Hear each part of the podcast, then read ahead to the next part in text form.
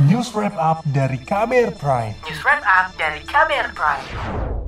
Saudara pengesahan rancangan Kitab Undang-Undang Hukum Pidana atau RKUHP oleh DPR masih menyisakan masalah.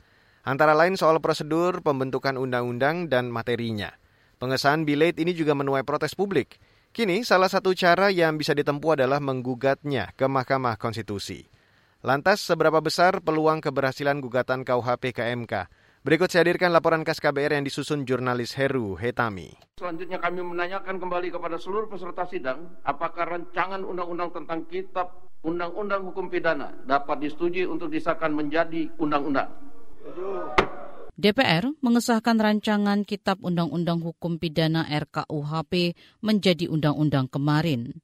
Pengesahan dilakukan dalam rapat paripurna yang dipimpin Wakil Ketua DPR Suhmi Dasko Ahmad. Sebelum pengesahan, Ketua Komisi Hukum DPR Bambang Wuryanto melaporkan bahwa pembahasan RKUHP telah melalui berbagai pendalaman.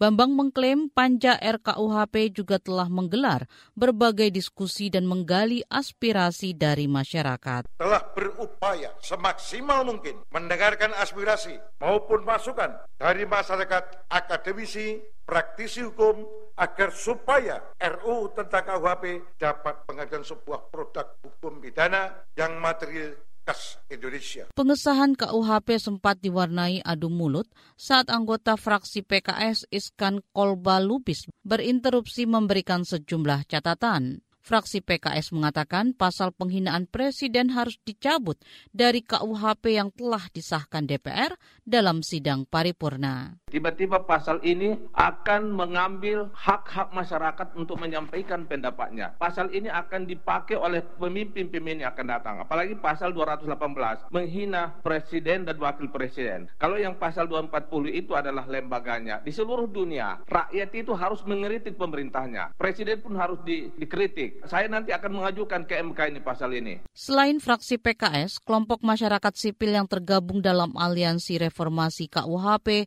juga tengah memetakan pasal-pasal bermasalah di KUHP. Setelah itu, mereka akan menentukan langkah selanjutnya yang bakal ditempuh pasca pengesahan KUHP.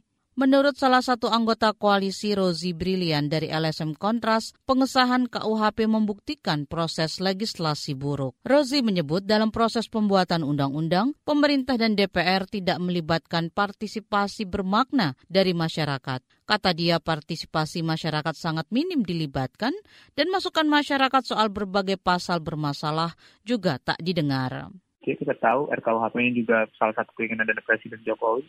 Jadi apa namanya kita melihat sebenarnya apa namanya uji materi di Mahkamah Konstitusi sudah tidak strategis dulu, tapi lagi-lagi saya belum berani bicara langkah strategis apa yang akan dijalankan oleh polisi masyarakat sipil. Yang jelas kami sedang wait and see, listing segala macam dan lain sebagainya untuk sedikit bisa kita advokasi uh, baik secara litigasi maupun litigasi ke depan. Aktivis LSM Kontras Rozi Brilian menambahkan ada tiga jalur yang bisa ditempuh untuk mengganti undang-undang yang telah disahkan yakni melalui legislatif atau DPR yang mengubahnya, pembatalan melalui peraturan pemerintah pengganti Undang-Undang Perpu yang dikeluarkan oleh Presiden, dan gugatan uji materi ke Mahkamah Konstitusi. Pakar Hukum Tata Negara dari Universitas Pajajaran Susi Dwi Haryanti juga berkata demikian. Menurutnya pasca pengesahan KUHP, satu-satunya langkah hukum yang bisa ditempuh adalah mengajukan uji secara formil maupun material. Ada persoalan prosedur, ada persoalan materi. Itu apa yang dapat dilakukan oleh rakyat, apa yang dapat dilakukan oleh mereka yang tidak puas gitu ya. Hmm. Maka mau tidak mau dan the only way itu yaitu mengajukan nanti permohonan pengujian baik pengujian formil maupun pengujian material ke Mahkamah Konstitusi. Karena kalau secara hukum memang kita hanya bisa menggunakan rakyat itu hanya bisa meminta kepada Mahkamah Konstitusi untuk menilai konstitusionalitas dari undang-undang ini. Meski upaya gugatan bisa menjadi pilihan, namun publik dihadapkan dengan kekhawatiran mengenai kecilnya peluang gugatan tersebut bisa dimenangkan. Pesimisme publik itu bukan tanpa alasan. Menurut Susi, saat ini independensi MK tengah dipertanyakan. Kita mengetahui apa yang terjadi baru-baru ini. Betapa DPR, kemudian juga yang disetujui oleh Presiden, menghantarkan Profesor Guntur menjadi hakim konstitusi menggantikan Profesor Aswanto. Bahwa hal itu adalah bertentangan kalau menurut saya itu bertentangan dengan konstitusi, bertentangan dengan undang-undang MK.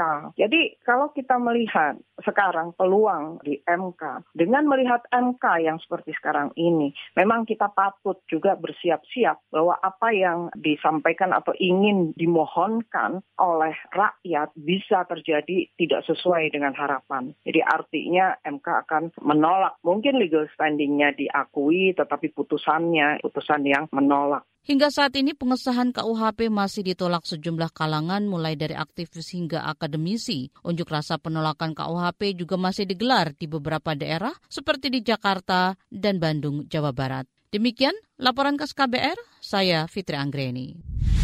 Kamu baru saja mendengarkan news wrap up dari KBR Prime. Dengarkan terus kbrprime.id, podcast for curious minds.